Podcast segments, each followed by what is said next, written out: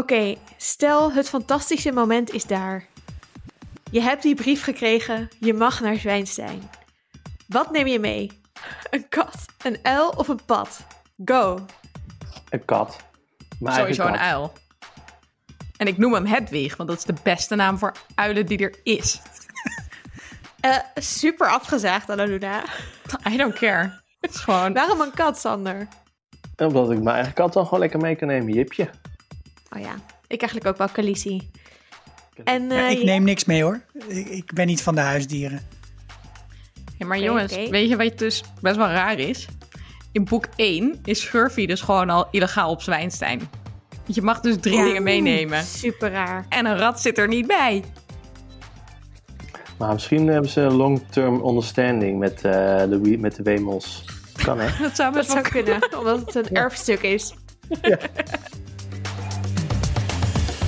Dit is de Vierkante Ogen Show, de popcultuurpodcast van dag en nacht. Dit is de eerste aflevering uit onze reeks over Harry Potter. Vandaag praten we over Harry Potter en de Steen der Wijze. Ja, jullie horen het goed. We gaan het eindelijk hebben over Harry Potter. Al die Harry Potter referenties die jullie in alle andere podcast-afleveringen hebben horen langskomen, hebben allemaal geleid. gek van wordt. ja. Ze hebben allemaal geleid naar dit moment. Eh, dus, en we gaan het niet alleen vandaag ehm, met Annaluna en Sikko, die je de laatste week ook over WandaVision hebt gehoord, over Harry Potter hebben. Maar ook met vriend van de show. Eh, iedereen kent hem van eh, een frisse vurig liedje. En misschien van de Bridgerton aflevering. Pam, pam, tromgeroffel. Sander! Hoi. Ik ben er. Wees in de house. Ja. Dat is de magische naam van Weesp. Heel fijn. Leuk dat je er bent. En we gaan de komende weken alle Harry. Potters doen. Ehm, en we bespreken de film en het boek in één. Eh, we gaan het zo eerst even hebben over onze eigen ervaringen met de boeken. Eh, en misschien ook wel even met film. We, gaan, we hebben het allemaal herlezen en herkeken. Dus we gaan daar onze ervaringen en onze kleine observaties, grote observaties van delen. En we gaan langer stilstaan bij een aantal vragen over ja, de Wizarding World, de magische wereld. En we doen Ehm, een quiz. En we doen een quiz. Oh my, Oh my god. God. En we hebben allemaal vragen van luisteraars gekregen. Ja. Oh, Ja, Het wordt een bomvolle aflevering en ik heb er echt heel druk. ik heb er zo naar uitgekeken de afgelopen weken. Ik wou. Deze, deze aflevering past eigenlijk alleen in, in Hermelien haar tas. Ja, Goeie. Hey, en hij is met spoilers, toch? Ja, Zeg maar alsof je bij waarzeggerij zit en gewoon al weet wat er gaat gebeuren. ja. ja dus Nou, niet alleen het boek spoilers. Is volgens mij een, eh, is vet oud al, hè, toch? Precies. Oh. Ja, het eerste boek komt uit 98. En, maar we gaan het hebben over, zeg maar, de spoilers zijn inclusief alle andere boeken. Dus we gaan ook een beetje verwijzen naar, oh, maar dit is grappig, want als je het leest met de kennis van boek 7. Eh, dus toch, ik ga dit één keer zeggen en we gaan dit niet bij de andere afleveringen doen. Maar mocht het zo zijn dat je dit luistert en je hebt Harry Potter nog niet gelezen en je wil echt niet gespoilerd worden, Game over. Terug in je kast. Gewoon wegwezen. who are you? Maar ga ze dan even lezen, kijken Oh, en misschien dan hebben we gewoon luisteraars van tien of zo. En jaloezie. We Misschien hebben een vraag dan even aan je ouders of je mag luisteren, want we zijn vaak best wel beschelden. Veel. Nou, Ja, en die boeken, dat valt best wel veel mee. Soms. Nou, Neem bij jouw boeken. Chico. wij zijn, Ehm, deze podcast is hartstikke leuk voor luisteraars van 10. en misschien goed om te zeggen is dat we uit gaan proberen te gaan van de Nederlandse versie. Die in ja. 98 uitkwam, de Engelse in 97. Maar we zullen af en toe ook wel de Engelse namen en termen gebruiken. Want ja, inmiddels hebben we ze denk ik allemaal Nederlands en Engels gelezen. Ja. En soms dan eh, kom je eerder op het Engels. Als je tijdens het luisteren denkt, dit hebben jullie helemaal fout. Of, wow, dit is zo fantastisch, ik heb hier nog veel meer ideeën over. Of, wow, deze vraag komt nu in me op, die moeten jullie beantwoorden. Ga dan naar Of vriendvandeshow.nl. Deze mensen hebben echt een hele lege bankrekening bij eh, Goudgrijp. Wil ik wat Ja. aan doen? Kom maar met je galjoenen. Kom maar met je galjoenen. Sikkels Eh, ook welkom. sikkels. Knoet, eh, doe maar. Weet je, is goed. Ga naar vriendvandeshow.nl slash vierkante ogen en daar kan je al die dingen doen. Een magische plek. Boom. Oké. Als het nou best wel lang geleden is dat je deze eh, boeken hebt gelezen, eh, de film ook niet net kerst, met kerst tijdens de herhaling hebt gekeken, ga ik een poging doen om het plot van Harry Potter en de Stenen Wijze heel kort, maar krachtig samen te vatten. Ik ga vast dingen vergeten, want ik heb het echt heel kort. Oké. In het boek leren we de elfjarige Harry Potter kennen. Hij komt erachter dat hij een tovenaar is en dat er plek voor hem is op tovenaarschool Zwijnstein. Al snel wordt hij vrienden met Ron Wemel en Hermeline Griffel. Met elkaar beleven ze avonturen die uiteindelijk leiden tot een confrontatie met Voldemort. Bam. En Harry wint. Bam. Wow. Maar je hebt gewoon helemaal de vliegende motor vergeten. ja. Dat vond ik niet super belangrijk detail. Nou, ik vind dan wel nog heel belangrijk dat we Snape hier even noemen. Want hij komt er direct achter dat een van de leraren is die hem heel erg haat. En hij begrijpt niet waarom. Dat is de En rode dat is. Snape. En Ja. Perkamentus is de baas van de school. En de duffelingen zijn vervelend. Dat zijn echt Hmm. kutmensen. Die voeden hem op, want hij is een wees. Was je ook vergeten, Esther, jeetje. Oh ja, trouwens, en hij leert ook op een bezemsteel te vliegen. Ja, en hij heeft een aardsvijand, Malfidus. Nog een Oh. aardsvijand. Hij heeft fucking veel vijanden, hè? ja. Ja, Voor je jochie net niet op school? Heb je Hij heeft een confrontatie vijanden? met Voldemort, maar die zit eigenlijk in het tulband van Krinkel. Hmm. Oké, Krinkel. oké, oké. Jaapie Krinkel Krinkel. is de Nederland... Krinkel is de Nederlandse naam. Quirrell. Van Quirel. Oh ja, en heeft de uil, die heet Hedwig. Daarom wil ik Oh ja, dat vond jij het belangrijkste. Ja. detail natuurlijk. Een vreemd pluisje. En er was een driekoppige hond. Die Nou, alleen maar gaat slapen als je muziek voor hem speelt. Ik, ik ben blij dat we dit segmentje hebben, want het helpt heel erg voor je dat je weer begrijpt waar het boek over ging. Ja, hè, dat, dat denk ik ook. Thanks voor Ik had, alle een aanvullingen. alternatief, eh, ik had een alternatief plot gehoord. Dat Harry erachter kwam dat hij heel veel geld had. En dat hij toen dacht, oké, ik ga nu op vakantie later. Afgelopen. Einde. Het is ook een soort weg is weg uitstapje. Hmm. Had ook gewoon vrienden kunnen kopen. Nee, Dan probeert hij toch best zo. wel met al die snoepdingen van het karretje in de trein. Ja. Zo hier, meer choco-kikkers rond. Kom, word mijn vriend. Die jongen is helemaal high aan het einde van die treinreis. Ik, eh, voor we verder gaan over alle dingen in het boek, ben ik heel benieuwd naar jullie eerste ervaringen met, ja, kijk, met dit boek, maar daarmee dus ook met de Harry Potter wereld, met Harry Potter himself. Dus laten we een duik nemen in de hersenpan en onze herinneringen ophalen.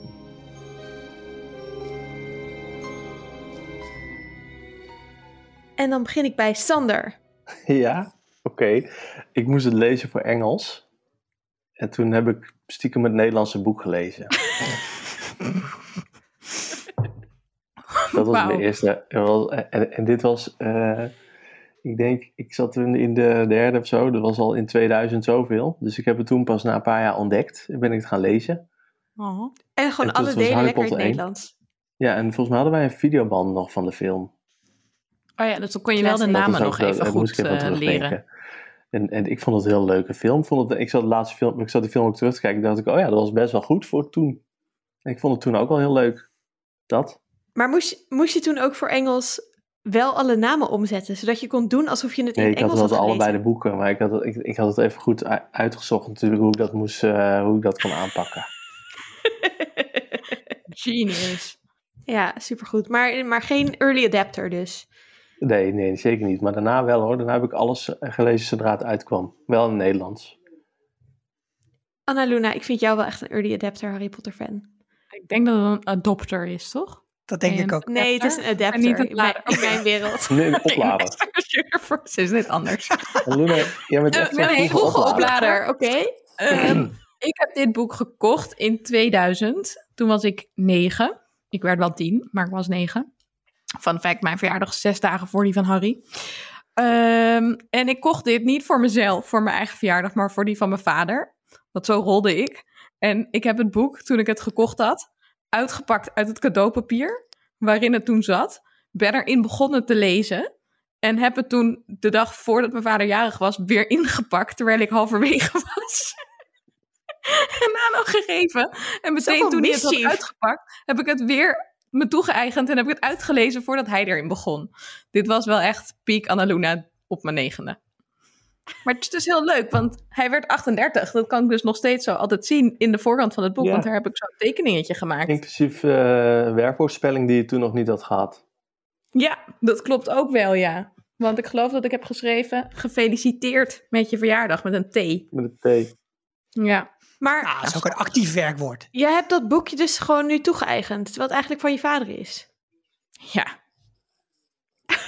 Want mijn moeder heeft Dus- de meeste boeken voor me gekocht. Maar die staan dus allemaal mooi in de kast in Alkmaar bij mijn ouders thuis. Dat is echt niet eerlijk. Nee, nee, nee. Ja. Dat, zo kan dat niet. Ze hebben er wel een Ja. beetje moeilijk over gedaan. Nog even voor de vorm. Een beetje van, ja, maar Annaluna, dat is dan eigenlijk toch wel Michiel's boek. En echt zo, nee, maar ik heb alle andere boeken gewoon, zijn van mij. Dus ik moet het compleet hebben.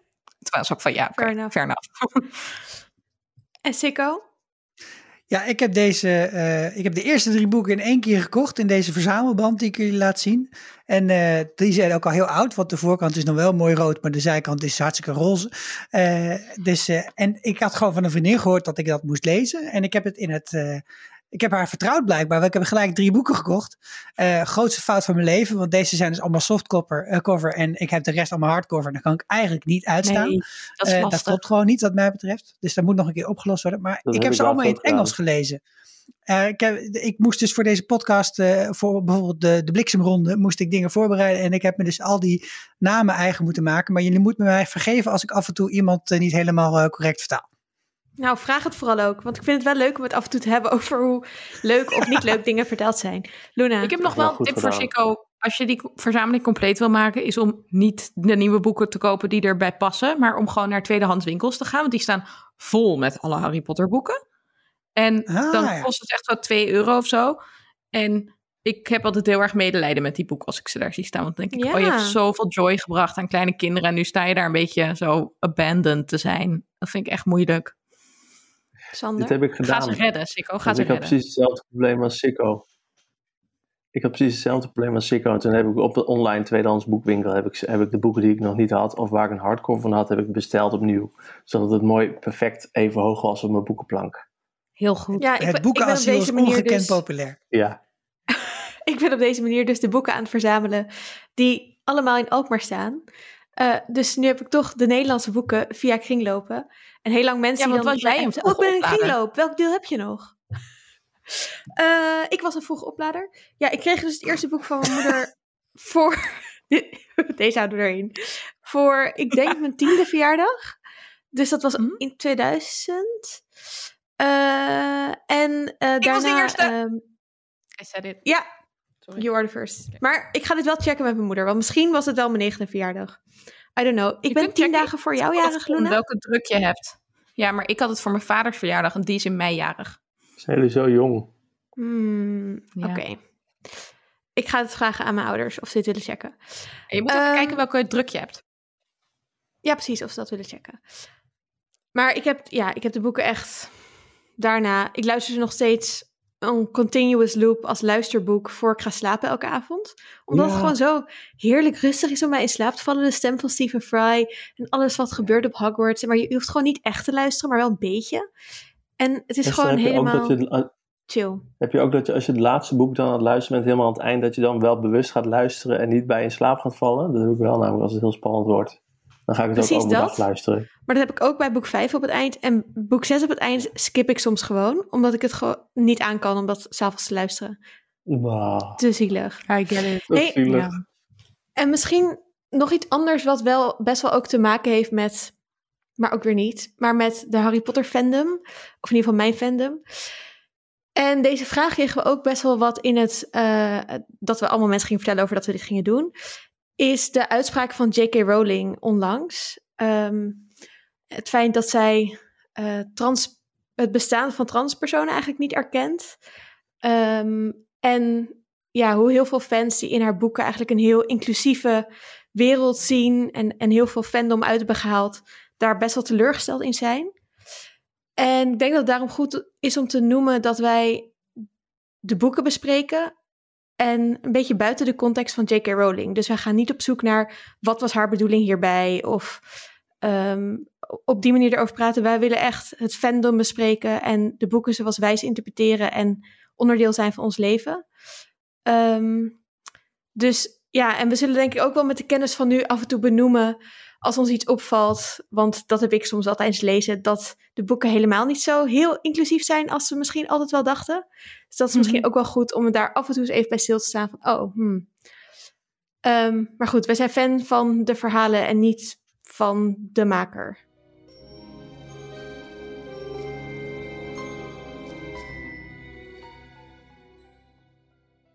Hoe gaan we dit bespreken verder?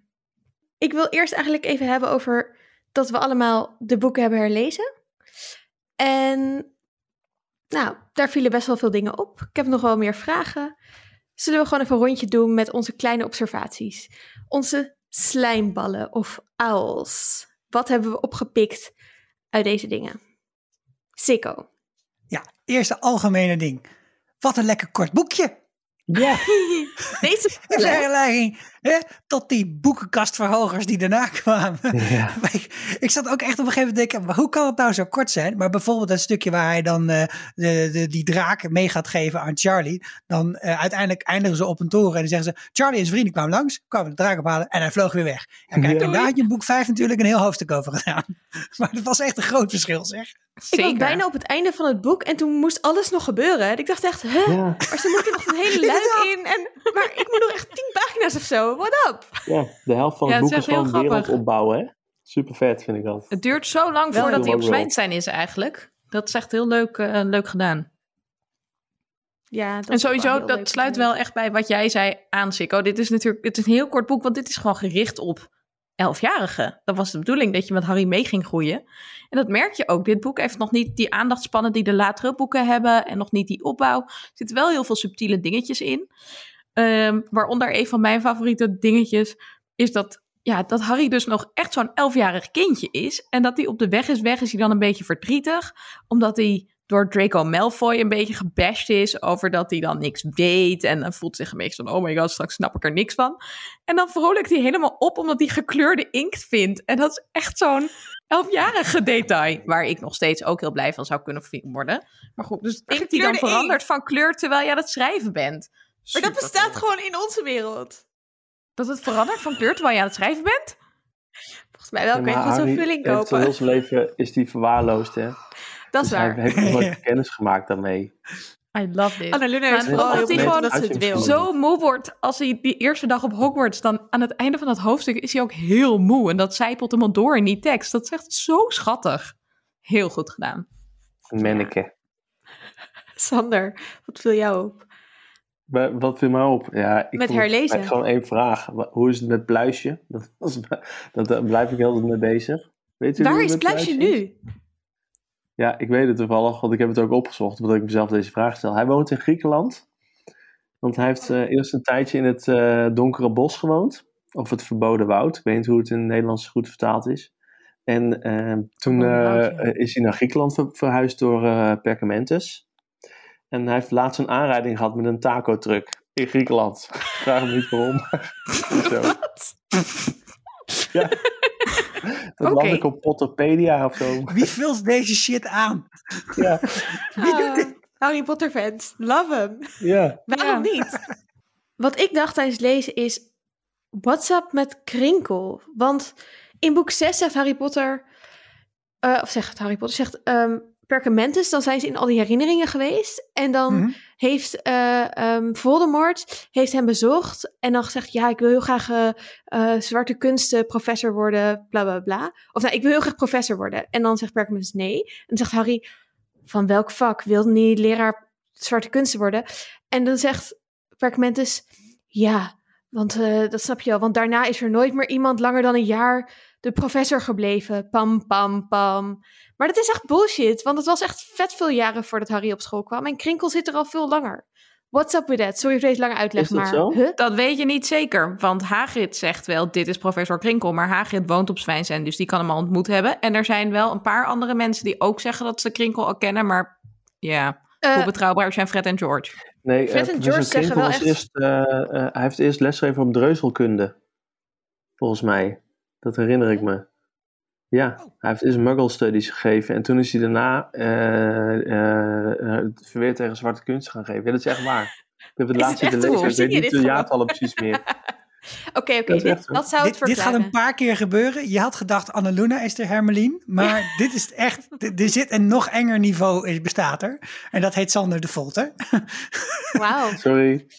Nee, Ongelooflijk. eh, ik nou, ben blij met ik deze heb nog een vraag over Krinkel. Want ik vind, dat vond ik ook raar in dit boek. Dat is ook wel een vraag die meerdere mensen ook instuurden. Ehm, dat is namelijk dat die dus als ze elkaar ontmoeten in, de, in die Leaky, Leaky Cauldron, ken ik hem, maar dat, dus die bar. Dan geeft hij hem een hand en dan flikkert hij niet uit elkaar. Dus omdat hij nog geen tulband op heeft. Dus Voldemort zit nog niet op zijn hoofd. De tulband Oké, heeft ja, hij dan mooi. daarna maar dat pas is op. dus, dat zegt hij Tot ook later. zover, geloof ik, eh, snap ik dat. Alleen, hij zegt ergens dat hij dus op zijn reizen is hij Voldemort tegengekomen. Maar dan moet hij toch in de tussentijd gewoon les aan het geven zijn geweest. Wie gaat er dan ondertussen op een stedentrip? Nee, hij had een Ja, misschien sabbatical. heeft hij een fellowship gehad. Nee, hij was een jaar lang in Roemenië om dingen te onderzoeken. Trollen, Ja, shizzles dat te is een onderzoeken. fellowship voor docenten. Kan Probably. heel goed. Maar, maar dan En had hij- hij hem toch al wel op zijn achterhoofd moeten hebben tegen de tijd van dat ze in Nee, het want- café waren. Voldemort kan, eh, was gewoon een soort van entity die, ik weet niet, niet in een persoon zat, maar dus ook geen lichaam had. Net zoals hij la- dat later werd na Krinkel. En Mhm. als ze in de, bij die spiegel staan, aan het eind van die eh, challenges, aan het eind van het boek, dan eh, zegt hij ook dat hij in eerste instantie, dat hij gewoon heel dichtbij was, maar dat toen Krinkel niet de steen wist te stelen uit G- Grijp Gringotts, wow, Goudgrijp. Goudgrijp, Goudgrijp, ehm, dat hij daarna gestraft werd door Voldemort en dat hij hem van veel dichterbij over zijn schouder wilde kijken of zo. Ja. En dan krijg je hem op zijn Oh, hoofd. Dus dat is letterlijk de dag nadat Harry hem heeft ontmoet. Sander. Yes. Hij is eerst op sabbatical gegaan. Dus hij heeft eerst Muggle Studies gegeven. Toen is hij op sabbatical gegaan, heeft hij Voldemort ontmoet. En toen is hij teruggegaan om verweer tegen de zwarte kunst les te geven. Ah, oké. Ik vraag me op Fijn dit soort momenten uitgelegd. altijd af.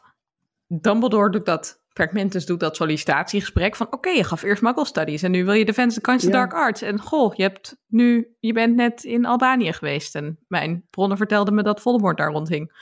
Goed idee, doen we. Ja, Ja, ik weet dat Ja, het moeilijk is om iemand te vinden. Dat zeggen ze steeds in de latere boeken, maar het is toch wel een beetje raar. Hij, zegt, hij heeft gewoon gezegd van ik heb nu ogen in mijn achterhoofd. Ik kan nog beter lesgeven. Dat zou het zijn. Geen ordeproblemen Nee. meer. Maar per- laten we daar ook heel even over hebben. Misschien ook nog wel in latere boeken, maar Perkamentus wist dit gewoon. Want Harry zegt zelf, en zo super snugger is Harry helemaal niet, maar dit is, heeft hij best wel slim. Van, nee, het voelde wel, het leek alsof Perkamentus wilde dat ik een kans kreeg om tegen Voldemort te vechten. En dat hij daarom alles zo fucking makkelijk heeft gemaakt en, en er conveniently niet was. Dus misschien dacht hij, oh ja, je hebt natuurlijk wel Voldemort in je hoofd, maar ja, boeien. Let's give it a try. Dumbledore had een nieuwe Pokémon die hij uit wilde proberen. Maar zo voelt het toch een beetje van, ja, Dit is boeien. echt heel raar, ja. Echt weird. Nou, Al ook die dat er geen sancties volgen op die zwerkbalwedstrijd... waar Harry bijna van zijn bezem afmietert. Snap ik ook niks Ja. van. Dat Nou, maar dat ik weten we natuurlijk niet echt. Want, want Snape heeft het wel door. En Snape gaat daarna met Krinkel de hele tijd soort van pushen. Maar ja, hij wordt niet van school getrapt, wat best logisch zou zijn. Ook wie heeft die krijgt troll in de dungeon gelaten? Dat zou kunnen. Moet hij de Ja, leraarkamer opruimen? Nog even over die wedstrijd. Ik zat er ook een beetje op te haten toen ik het aan het lezen was. Maar wat ik wel later nog, wat je nog even meekrijgt, is dat eh er een reden is dat Snape de volgende wedstrijd eh scheidsrechtert. En dat Ja. is omdat hij hè, wil zorgen dat het niet nog een keer gebeurt. Maar ik begrijp ook niet helemaal waarom niet wat meer onderzoek is gedaan na het eerste incident. Toch? Hoe komen de duffelingen weg uit dat huisje als Hagrid het bootje heeft meegenomen? Thank you, thank you. Dit is ook, Lullig. met, dacht ik meteen tijdens heel, het ja, maar daar hebben lezen. ze een heel jaar voor, hè? Ze hebben ook geen telefoon daar. Nee, Ze hebben helemaal Gezwommen. niks. Ze zitten daar gewoon een beetje te verhongeren. Ze hebben ook geen eten, want het enige wat Herman mee had genomen was drie zakjes chips en drie bananen. Of. Arme Ja, ze Dirk kunnen heeft nog een een, varkensstaartsoepje trekken. Ik denk, denk wel dat dat, het- ze de rest van de verjaardagstaart achterlaten. Maar goed, Ja. daar overleef je niet heel lang op.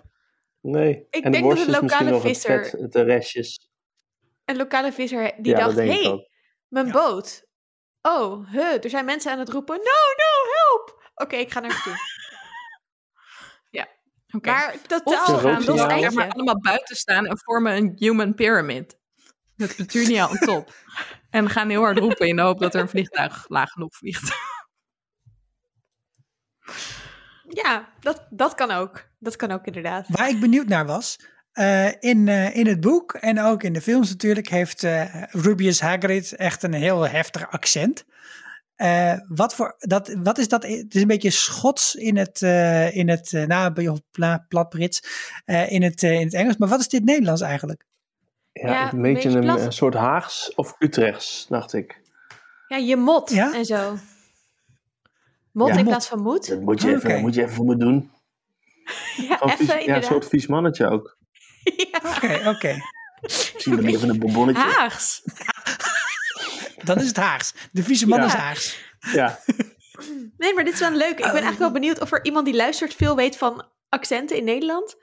Wel, welk, wat soort Nederlands praat Hagrid? We kregen dit een keertje toen we het ander, we over undercover hadden gehad. Dus het zou heel leuk zijn als iemand dit nu ook over Harry Potter zou kunnen doen. Taalkundige Ja. verzamelt u. Ja. Wat mij kijk, over opviel, Brabants kan ik alles vertellen, maar dat is het niet. Dat weet ik wel. wat mij nog opviel is alle foreshadowing in deze boeken. Dus in hoofdstuk 1 zegt Anderling, ja, hij wordt beroemd, een legende. Het zou me niks verbazen als deze dag later tot Harry Potter dag wordt uitgeroepen. Er worden vast boeken over Harry geschreven. Elk kind in onze wereld zal zijn naam kennen. Nou ja, dat is een soort van meta waar, maar ook echt waar.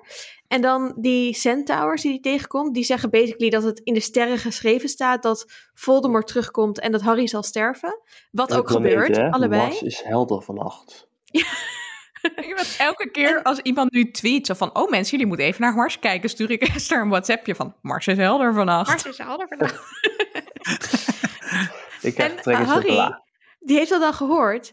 En dan eh, zegt hij tegen, wordt hij heel boos tegen Ron en Hermelien. Zegt hij, wat, snappen jullie dan niet? Als Snape de steen te pakken krijgt, keert Voldemort terug. Hebben jullie niet gehoord hoe het was toen hij de boel probeerde over te nemen? Dadelijk is er geen school meer om afgestuurd te worden. Hij verandert Zwijnsteen in een berg puin of in een school voor de zwarte kunsten. Heeft hij allebei gedaan? Bam! Did. Harry, voorspellende Oh. nature. Wow. Ik heb er ook nog wel eentje in de categorie... hoeveel er al in dit eerste boek zit. Ik heb hem helaas niet zelf bedacht. Ik heb hem op internet gevonden. Maar het is zo'n vet detail. Oké, in die allereerste potions les van Snape. Daarin vraagt Snape... Wat krijg je als je gemalen afodielwortel mengt... met een aftreksel van am- alsem? Weten jullie wat het is? Oeh, wacht. Wacht. Nee. Oké, de drank van de levende dood. Maar de symboliek hierachter is zo sick vet, want afodielwortel is een type lelie. Lekker, ja. met de dood en met rouw. En alsem is een soort heel bitter kruid dat bekend staat en dat ook heel vaak in zowel de Bijbel als in bijvoorbeeld Shakespeare steeds genoemd wordt als het gaat over de bitterheid van verlies. Dus hier zegt Snape eigenlijk een beetje de bitterheid van verlies over de dood van Lily. Die heeft bij mij gezorgd tot een levende dood. Oh, no. zeg. Ja, Wauw. maar, maar toch vind ik het een lul. Eh, Ik zit gewoon te huilen, hè? ik ook, zie het wel. Ja. nee, eh, eh, ik, zat hier, ik zat gisteravond op de bank met mijn vrouw samen en wij zaten nog even na te denken, eh, dat, dat gedoe met die stenen. Je hebt natuurlijk dat, dat in het Engels is het ofwel de Sorcerer's ofwel de Philosopher's Stone, maar dat wil ik niet over hebben. Maar deze steen, de, de, de, de Philosopher's Steen der Wijze, dat is dus niet dezelfde steen als die later in boek 7 een een ding is. Hè? Dat is een ander ding. Mhm. Ja. De Resurrection Stone. Precies. En die, zijn, die Resurrection Stone is ook niet door Flamel gemaakt. Nee. Oké, goed. Dan Door heb de- ik hem. Door de duivel? Door de dood? Nee, door die voor, dood, voor mensen Ja, van de. Potters, Door toch? de Peverells. Maar ik weet niet hoe ze in het Nederlands Ja. heet. Ja, maar nou, nee, maar door, dus, dus door, de, door de dood. Ik vind Nee, dat is alleen maar het soort de van mythe. mythe-verhaaltje voor de kinderen eromheen. Het zijn uiteindelijk toch, Ja, zegt dat denk je. Perkamentus... Ja, Wacht, maar als oh. Perkamentus een gok waagt, dan weten we dat dat wel meestal waar is. Dus jij zegt dat de Tales of Beale de Bard gewoon nep zijn? Ja, Nee, nee. oh, bullcrap. Ik vraag En nog even, af. we hadden, het- we hadden het net even over die centaurus, die wonen in dat verboden woud. Dat vind ik ook wel een klein beetje een problematisch dingetje in dit boek. Dat zeg maar vanaf les 1 of dag 1 wordt gezegd, er is één plek waar je niet naartoe mag. En dat is het verboden woud. En dan hebben ze straf. En wie gaat er met fucking drie kinderen het verboden woud in Hagrid? Ik vond dat zo'n rare plot twist. Maar weet je hoe we dat noemen in onderwijsland? Dat noemen we zo pedagogisch verantwoord als de situatie het toelaat. Ja, Ja, dus dan ga je gewoon, eh, als het kan, dan kan het op dat moment. ik hoop niet dat er Oké, leerlingen van mij luisteren, of studenten. ja. Maar, maar er loopt een dier rond wat zeg maar eenhoorns dood kan maken of kan verwonden. Iets wat super moeilijk schijnbaar is. En dan denk je, nou, dat kun je best gewoon twee kinderen en een laffe hond. Dat is En prima. dan gaat ze ook splitsen, hè? Dat je denkt, je bent met vier kinderen en één reus en een hond. Op zich, als je met z'n zes bij elkaar blijft, te doen. Maar anders, nou, ah, En waarom neemt hij zijn paraplu niet mee? Maar goed, allemaal vragen. ook dat nog. Zoveel vragen. Oh, nou, over paraplu's gesproken. Dus dat één ding wat ik echt super leuk vind aan dit boek. En het is een beetje meer in alge- algemene zin. Als je leest wat voor beschrijvingen J.K. Rowling steeds gebruikt voor dingen. eh, dan valt er op dat ze eigenlijk nooit iets magisch met iets magisch vergelijkt. Ze vergelijkt alleen maar magische dingen met niet-magische dingen. Dus bijvoorbeeld, als Norbert uit het ei komt, dan zegt ze: Het leek net een opgevouwen paraplu. Eh, en dat vind ik op zich echt een fantastische beschrijving. En Dan ben, dan ben je echt een, een schrijver van Ja. formaat. Maar het, is niet, het, het, het, het doet niet te refereren aan iets magisch. Maar is dat, is dat voor mij of is dat omdat Harry dat ook zo ziet? Of komt dat mooi samen? Hmm. Ik denk dat Goeie het wel vraag. wat Echt op. Ik vind het ook sowieso, het werkt natuurlijk heel goed dat je met Harry mee de toverwereld ingaat. Want daardoor voelt Ja. het niet uitleggerig, omdat het bij hem binnenkomt. En daardoor voel je ook niet, want dat heb ik wel eens in fantasyboeken, dat je de eerste paar hoofdstukken heel erg verloren voelt. Zo van, oh, eh, er is hier een wereld, leuk dat ik daar zomaar in mag stappen. Maar Ja, ja, ja. daardoor duurt het best wel lang voor je erin zit. En hier zit je gewoon meteen eigenlijk op die trein mee naar Zwijnstein. Van, oké, let's go. Wanneer mag ik? Nee, heel terecht. Dat heb ik ook wel eens bij fantasy. Dat ik, dat, dan beginnen ze zo van, eh, ja, vliegdekschip eh, F-12 eh, schoot de ruimte A beta in. Dan dacht ik, ja, hallo, eh, dit volg ik niet. We gaan het straks nog even over de film wat uitgebreider hebben. Maar wat mij opviel tijdens de film is dat ehm, als, je onder, als Harry onder de ehm, onzichtbaarheidsmantel loopt, in mijn hoofd is die mantel, en volgens mij is het ook zo beschreven in de boeken, een mantel met een kap. Dus je kan die kap over je hoofd doen en de mantel om en dan ben je helemaal onzichtbaar. Maar in de film is het gewoon een stuk stof, basically, die, die Harry over zijn hoofd tilt. En ik zat me Ja. af te vragen waarom. Maar toen bedacht ik me dat die, die ehm, stof is eigenlijk ook over de camera gelegd. Dus je zit met Harry onder die onzichtbaarheidsmantel en je ziet zijn hoofd. Maar het voelt eigenlijk alsof je met hem in die mantel zit. En dat kan je natuurlijk niet doen als Harry een kap om heeft. Hoe ga je dat dan, hoe ga je dan en Harry laten zien en dat het onzichtbaar is? Oh, Dus dat vond ik echt een geniale vertaling naar tv. Maar ja. is het in de boeken zo dat hij een kap heeft? Want ze gaan er ook de hele tijd met z'n allen onder. En dat is wel echt onhandiger als het een kap heeft, die mantel. Misschien Ja, dat maar ze het hem is dan ook over de onhandig. was dragen. Ik ging er altijd gewoon een beetje van uit dat het inderdaad zo'n doek was. Ja, ik Ja, weet ik niet. denk- ik, ja. hmm. Nou, Wat gebeurt er als je hem in twee knipt? Opletten als we later... Ja, goede vraag. Opletten of we dit later tegenkomen in de boeken. Als we de rest gaan herlezen.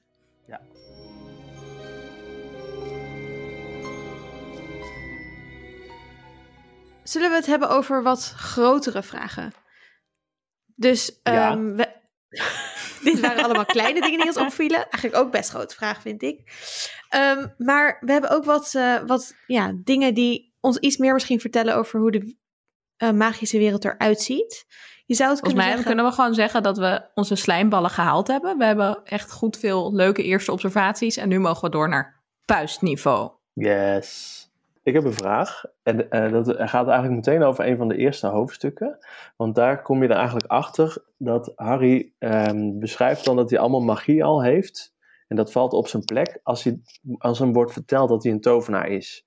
Dan wordt hem verteld van, nou, door Hagrid, hey, je bent een tovenaar. En dan eh, bijvoorbeeld met die boa constrictor, dat hij het glas laat verdwijnen in de dierentuin. Ehm, hij vertelt dat hij in één keer op de schoorsteen van zijn school staat als hij op de vlucht is voor mensen. Dus de, al dat soort dingen gebeuren er. En wat ik me daarover afvraag is, hoe gaat het eigenlijk met dreuzelkinderen? Dus, want je hebt natuurlijk dat, eh, dat eh, statuut van de geheimhouding. En dat zie je in boek 2 heel mooi. Als Dobby die taart door de keuken heen pleurt, eh, dan krijgt Harry de schuld. Omdat hij dan al naar Zwijnstein... Ja, dan, dan is hij al naar Zwijnstein geweest. En dan krijgt hij krijgt een, een eh, er staat een taart in de rang. Zeg dat nou? Oké, en dan... eh, eh, nou goed, dan wordt die geheimhouding geschonden eigenlijk. En dat mag dus niet, want hij mag geen magie gebruiken buiten school. Maar voor zijn elfde wel. Dus hoe zit dat dan? Hebben jullie daarover nagedacht? Dus waarom mogen dreuzelkinderen voor hun elfde wel magie hebben als ze boos worden bijvoorbeeld, terwijl als ze op na zijn zijn, zijn geweest, mogen ze het niet. Ik denk dat tovenaarskinderen ook voor hun elfde geen magie mogen gebruiken. Maar dat bijvoorbeeld bij Draco Malfoy, wat we later leren, is dat de overheid, het ministerie, maar van een adres wel in de gaten houdt dat er magie gebruikt, maar eigenlijk niet kan registreren wie het precies is. Dus dat minderjarige kinderen in de Weasley household best wel kunnen toveren, zonder dat iemand daar boos op wordt bij het ministerie, maar dat die ouders gewoon heel braaf zijn. Terwijl bij de Malfoys zit Draco gewoon de hele dag eh, met zijn toverstok Dobby te martelen. Alleen, ja, dat, dat, dat, dat, dat valt dus niemand op. Want ja, Lucius vindt dat wel best. Dus ik denk dat dat eigenlijk voor dreuzels en tovenaarskinderen gewoon pas vanaf je elfde is het een probleem. Ja, ja en, en, en Harry geeft in het boek op wel, een wel een soort van inkijkje in hoe dat dan precies zit. Hè? Want hij denkt dan van, oh, ik eh, ben heel laat of zo, ik kom nu pas kijken. En zij kunnen allemaal alles al. Maar dat blijkt helemaal niet zo te zijn. Want eh, Neville kan nog helemaal, of hoe heet de jongen Nee. in godsnaam, eh, Marcel. Lange. Jans. Eh, die kan nog helemaal niet, vlie- niet vliegen op een bezemsteel. En eh, al die andere, eh, Ron denkt ook dat hij kan toveren, maar die kan helemaal niet toveren. Die heeft gewoon een of Dat is andere zo iets schattig. op de achterkant van een pak vlagen gelezen. En wat, wat ik denk dat de reden is waarom kinderen die bij tovenaarsgezinnen op, opgroeien niet zeg maar, worden geleerd om te toveren, is omdat het denk ik gewoon een hele hoop teringzooi scheelt. Want vooral als je het nog niet zo heel goed kunt. dus ik weet het zie al. Er zit, het ook steeds- zo'n, eh, er zit ook zo'n scène in eh, dat ze over die camping lopen bij het WK Ja, Zwerkbal. moest ik ook aan Toch? denken. Ja. Dat Little Archie en dan eh, de toverstaf van papi heeft gejat. En dat hij Ja. daarmee aan het spelen is. En dat er dan Ja, weer allemaal precies. kippen in de hens gaan of zo. ja, Ja, of en, de en kat groter het, wordt of zo. ja. Ja. We gaan het hopelijk ook nog veel vaker hebben over de wetten van de magie, maar laat dit dan een soort teaser zijn. Maar in principe heb je dus ook geen toverstaf nodig om magie te doen. Dat, dat, dat blijkt ook uit heel veel dingen. Het is alleen, het is meer een soort van, je kunt kogels schieten, maar het is handiger als je dat door een pistool heen doet, want dan weet je tenminste waar je het heen schiet. En dat, dat geldt gewoon denk ik een beetje voor die underage Ja. magic. Van Dat- ja, dat- eh, moet het heel specifiek een doel dienen of zo. Dus bijvoorbeeld dat je neefje in de uh, boa constrictor eh, pen flikkert. Maar anders dan kun je het gewoon heel moeilijk echt goed doen. Ik denk, denk oorspronkelijk dat het boek, eh, of de boeken zo eh, meer zijn geschreven op het feit in het begin dat er nog magie zonder toverstaffen belangrijker was. Want je ziet ook Krinkel aan het eind, die gebruikt ook helemaal geen toverstaf op het moment dat hij Harry gaat vastbinden en zo. Daar, daar wordt daar, in heel die, la- die laatste hoofdstuk, met dat gevecht zeg maar, tussen Krinkel en Harry, komt er geen toverstaf aan te pas. Volgens mij. Ja, En, dat is waar. Dan eh, pakt hij gewoon zo in zijn handen. toch? En dan daarna is het pas veel belangrijker geworden in de boeken volgens mij. Ja, en volgens mij gaat het een beetje tot het niveau dat je... Je kunt een fucking goede tovenaar zijn en ook heel veel dingen zonder toverstaf. Maar als je andere tovenaar tegenover je staat die wel zo'n staf heeft, dan ben je dan natuurlijk nog steeds gewoon in, eh, in het nadeel. Maar wat Ik mijn vraag wel- eigenlijk meer ook was. Oh, ja, eh, Esther. Nou, ik denk eigenlijk dat ehm, magie zonder toverstaf veel meer rauwe magie is. Want je ziet ook ehm, bijvoorbeeld als Marcel niet blijkt te kunnen toveren, of ze zijn bang dat hij niet eens, eh, eh, terwijl hij uit een wizard familie komt, dat is, dat hij het pas kan als hij een soort van eh, in doodsangst is en dan stuitert in plaats van op de grond te pletter stort. Harry die kan toveren als hij bang is dat zijn haar er verschrikkelijk uitziet. Of als hij weg Ja. aan het rennen is terwijl hij wordt gepest. Dus dat zijn allemaal hele erge heftige emoties waaruit je iets doet. En ik kan me zo voorstellen dat op Zwijnstein wordt geleerd om die magie helemaal te controleren door een wand. Net zoals dat je bijvoorbeeld leert vechten met een zwaard en daarna ook niet meer misschien zo goed gewoon kan vechten zonder zwaard. Maar ik kan me Ja, best voorstellen dat... vuisten gebruiken. Zo'n Nee, precies. vroegtijdige zaadlozing en dat je daarna de controle erover krijgt. Precies, precies. Maar Sander, dat ik is wel precies wat het is. dit, dit is het. Maar ik kan me wel Dat is voorstellen ook dat, een er magisch misschien gevoel. magische Die stromingen zijn. luisteraars En eigenlijk is mijn vol- volgende opmerking dan heel vies op te bedenken. Maar goed, laten we de vorige referentie maar even zitten. Eh, ik vond het ook wel interessant dat Perkament zo verbaasd was dat eh, Tom eh, Riddle, of eh, hoe die het Nederlands ook weer heet, want ik moet het nog lezen in het Nederlands. Weet ook weer in het Nederlands? Ma- oh ja, Martin. Lijn. Martin, Vi- Martin Villen. Dat Martin eh, al zoveel controle over zijn magie heeft. Ja, Terwijl maar ik denk dus dat niet er, hebben. Dat er ook... ehm, dus wat op Zwijnstein wordt geleerd... is natuurlijk niet, denk ik, de enige of de allerbeste manier om magie Nee. te beoefenen. dit is ook een manier van het controleren van hoe mogen mensen magie thuis, oefenen. hè? Namelijk, je kan iemand verbieden om een toverstok te dragen. Je kan hem doormidden eh, eh, eh, wat ze bij, bij. Hagrid hebben gedaan, breken. Stop het in de paraplu. Dan stop je gewoon stiekem met een paraplu. Maar, dus het is een manier van controle. En misschien zijn er ook wel stromingen in de magie... waarin je juist die wilde magie of de rauwe magie controleert. Er Love zijn it. antroposofische scholen voor tovenaar. De, Ik ga school. gewoon helemaal stuk hier. Eh, mijn vraag was meer ook. Laat het kind, laat het kind gewoon. En in. Ja, Ja. love it. mijn- vraag was eigenlijk ook meer van.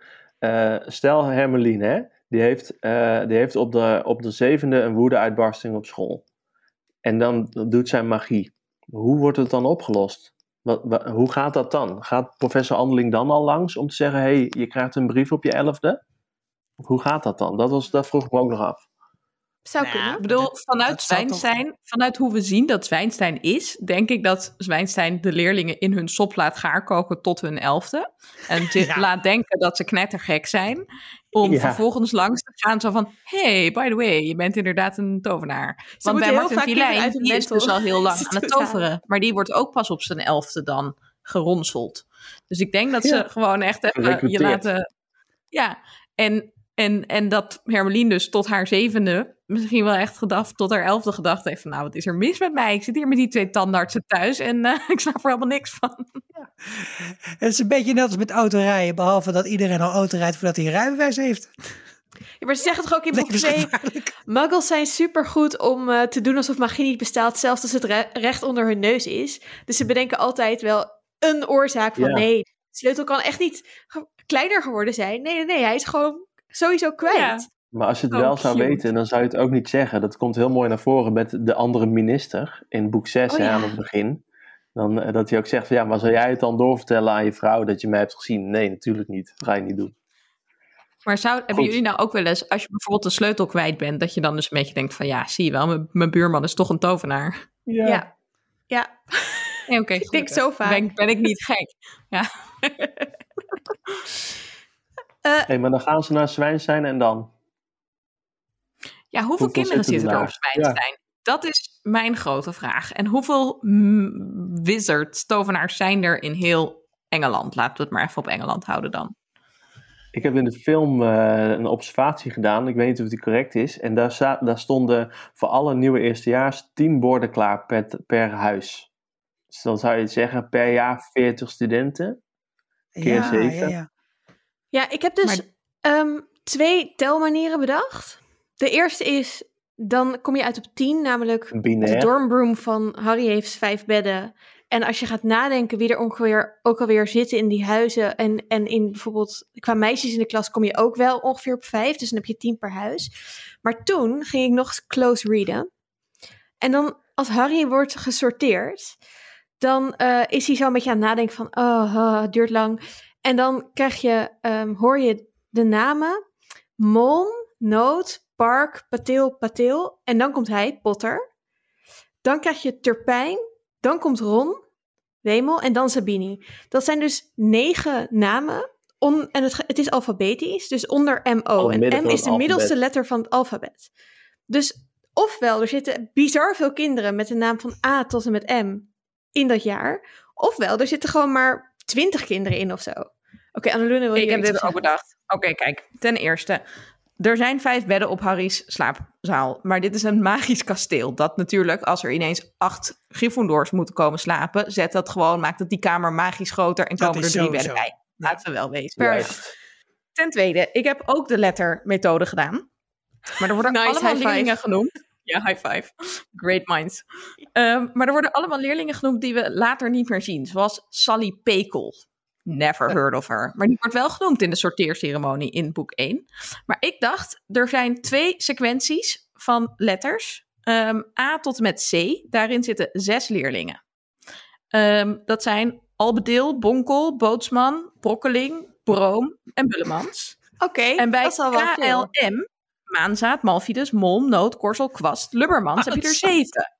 Dus toen dacht ik, per zes, per zeg maar drie letters van het alfabet heb je zes A7 leerlingen. Dus toen heb ik gedaan 26 letters gedeeld door eh drie. Drie. Nou, en dat dan weer keer eh, zes is 52 leerlingen. Dus dit is mijn Wow. voorspelling. Ja, 52 Nou- leerlingen in deze jaarlaag van Harry. En ik denk ook dat er een babyboom komt nadat Voldemort verslagen is. Ja, denk ik ook. dat, dat zou heel goed kunnen. Ehm, leuke, leuke aanpak van de letters. Ik moet zeggen, eh, eh, ik vind hem echt van de letteren. En eh, wat je ook moet realiseren is trouwens dat sommige achternamen natuurlijk veel vaker voorkomen dan andere achternamen. Dus natuurlijk is, is er wel eentje waar gevaar. Maar C is Ik dus niks. gewoon Dus keihard op de getallen afgegaan. Je moet het niet te letterlijk nemen. namelijk, je moet kijken, Hagrid zegt vier kinderen per boot. Oh ja. Mhm. Ja? Oh. En dan gaan ze zich verdelen over de bootjes. En als je in de film kijkt, dan ga, als je goed kijkt, kun je het aantal lampjes tellen, hoeveel er in de bootjes voorbij komen. En dan hou je ongeveer een bootje of 9 à 10. En maar in sommige bootjes zitten ineens vijf kinderen. Dus ik denk dat wij met z'n allen nu al neerkomen op rond de 40 à 50. Dan moeten we dat natuurlijk nog wel keer 7 doen. Dus dan gaan we naar de hè, 350 max, eh, 280 laag, weet je wel, eh, voor, eh, voor heel Zwijnstein. En dan moeten we dat nog extrapoleren naar de ouders van die kinderen. Mhm. En hoeveel er dan in totaal zouden moeten zijn. En dat vond ik eerlijk gezegd het allermoeilijkste en daarom heb ik het niet gedaan. Oké, ik had opgezocht dat in Engeland per huishouden, maar dit is dus heel, ik kan deze rekensom niet maken, ongeveer 0,7 kind is. Zo weinig? Ja, maar per huishouden, dus dat is man Per en vrouw. hè? Per Dus het is- wizard huishouden. Nee, nee, dit is zeg maar in Engeland. Gewoon Gemiddeld nu. gemiddeld nu. Maar 0,7 Ja, kind maar kijk, per in het huishouden huishouden is van dus jouw heel- ouders is geen kind meer. Precies, dus dat is een hele moeilijke rekensom. Maar ik dacht, ik neem deze informatie mee, ik drop hem en ik ben absoluut geen rekenwonder, dus iemand mag ermee doen wat hij wil. Oh, Ja, ik Nou. dacht, je moet uitrekenen, je hebt ongeveer 50 kinderen per jaar. En dan kun je uitrekenen dat je dus gedurende 60 jaar of zo elke keer ongeveer 50 mensen hebt gehad in zo'n jaar. Dus dan kun je dat keer 60 doen. Dan kom je op 3.000, 4.000 mensen misschien. Je hebt natuurlijk ook mensen die kinderloos zijn. Ook in de omgeving van Harry heb je er heel veel die kinderloos zijn. Maar dat is omdat al die leraren op Hogwarts in een soort cult zitten. En gewoon geen eigen familie lijken te hebben. Hier moeten we het echt ook Zit nog een in keer uitgebreid over hebben. rare, alleen hebben. met elkaar beschermde sekscult waarschijnlijk. Ik kan dit allemaal niet... Maar goed, en er zijn natuurlijk veel mensen doodgegaan in de toveroorlog. Tenminste, dat wordt gesuggereerd. Maar die groep is ook gewoon heel klein. Dus dan lijkt het al heel snel alsof er heel veel mensen dood zijn gegaan. Maar ik denk Ja, dat 3 en tot ik denk 4000 ook- best wel klopt hoor. Want er is ook maar één echt grote winkelstraat, namelijk de weg is weg. Dan heb je nog één tovenaarsdorp, dat is Hogsmeade, Zwijnsveld. En verder, er is geen stad van tovenaars, er is geen, er is maar één. Ik bedoel, hoeveel mensen kunnen er wonen? Ja, dat is waar. Maar dat, dat vind zeg maar, ik, dit zijn volgens mij de schattingen waarmee je moet werken als je, als je probeert te begrijpen hoe deze wereld in elkaar zit volgens, eh, volgens de boeken. Maar er klopt natuurlijk wel één ding heel erg niet aan. En dat is namelijk dat het zijn van tovenaar niet een recessief iets is. Ofwel, eh, je, kunt, je kunt een tovenaar zijn om, omdat allebei je ouders een tovenaar zijn. Je kunt één tovenaar-ouder hebben en één niet. En dan ben je ook een tovenaar. Maar je kunt zelfs ook een tovenaar zijn als twee van je ouders geen tovenaar zijn. Dit is, en het wordt heel erg gesuggereerd dat het wel iets te maken heeft met families en met genetica en dat soort dingen. Mhm. Als dit zo zou zijn, zouden er echt taffes veel tovenaars moeten zijn. Goed punt. Ik eh, Hmm. zei die niet genoemd mag worden, heeft het achteraf gezegd. Dat er Echt? 3 à 4.000 eh, mensen in Engeland eh, tovenaar waren.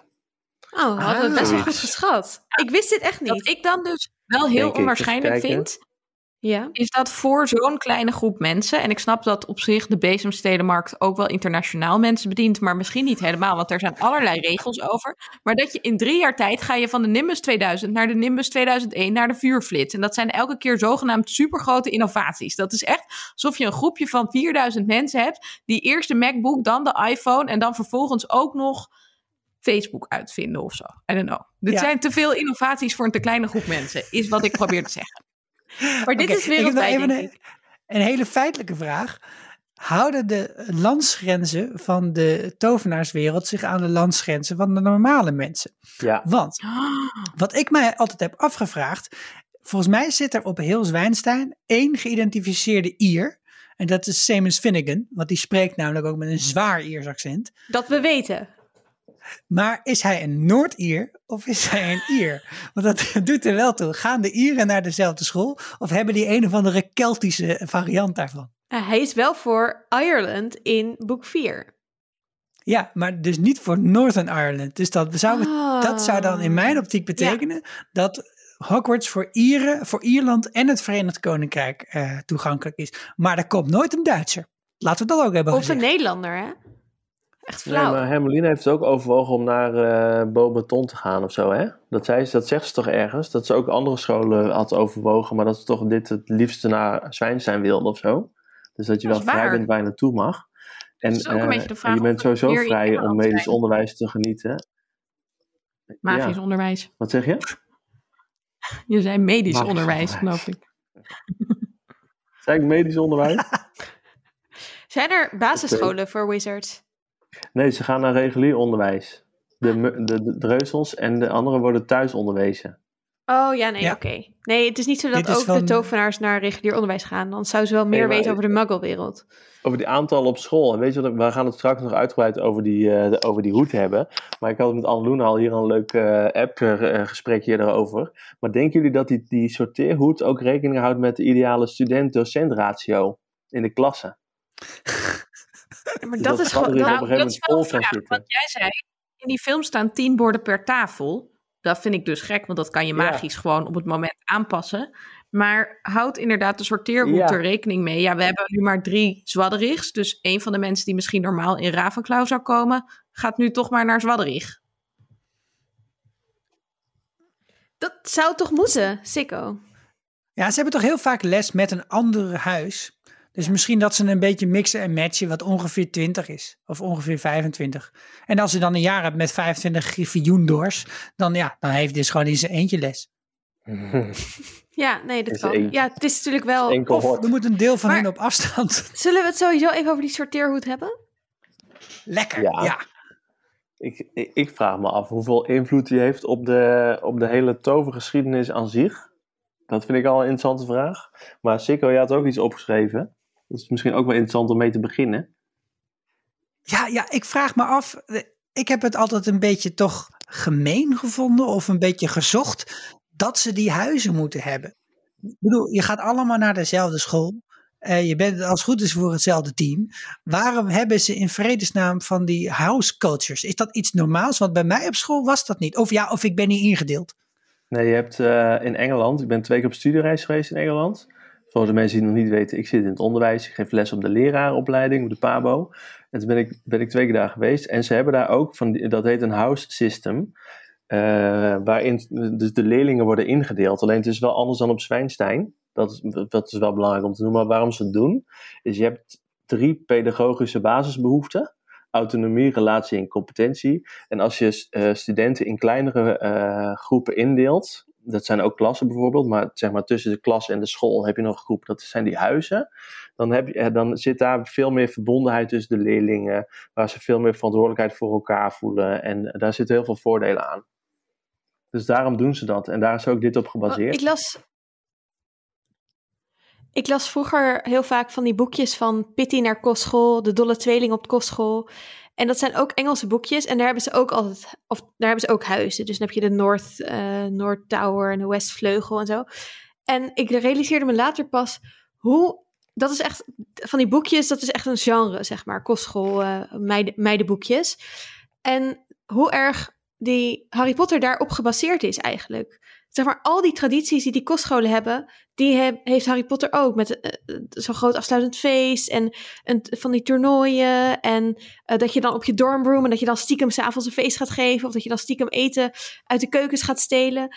En ik vraag me dus af of J.K. Rowling ook altijd die boekjes las. Of zelf misschien wel naar kostschool is geweest. Of dat het gewoon heel erg in de Engelse cultuur zit. Die kostscholen, wat we hier in Nederland helemaal niet kennen. Vond ik leuk. Ik denk zeker dat zij die dingen las. Ze is, maar goed, we gingen het niet veel over hebben. Oh ja, Ehm, dat is ook zo.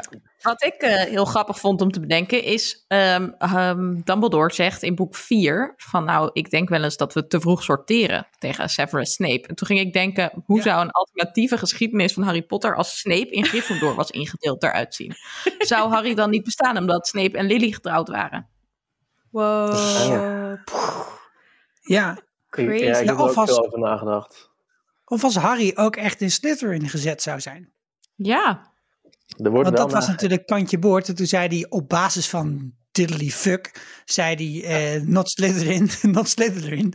Nou, hij, heeft wel, hij heeft wel één reden. Hij kent, hij kent Draco inmiddels, weet je wel. Die is hij een keer tegengekomen in de winkel. Het was hij een totale lul. En toen is hij hem tegengekomen op de trein. Dat was het ook een lul. Hey, en Ron Dus had toen dacht gezegd, hij daar- alle, Ja. alle wizards, er was geen Ja. enkele slechte tovenaar die niet in Zwadderig zat. Ja, zeker. volgens En, en eh, Hagrid had het ook al gezegd, hè? Die kwam uit Zwadderig en hij is zo slecht gegaan als hij kon gaan. Hey, Maar- ik, Als we, nee, Ja? als we daarover hebben, dan denk ik... Dus op de tovenaarsgeschiedenis, maar ook gewoon... Wat is de invloed op de wereld? Ik bedoel... Ik wil het later nog een keer in een aflevering hebben over politiek überhaupt in, eh, eh, in deze wereld. Maar stel je wil verkozen worden, ga je dan alleen maar camp- ga je dan campaignen met ik ben van Gryffindor, dus alle Gryffindors stem op mij.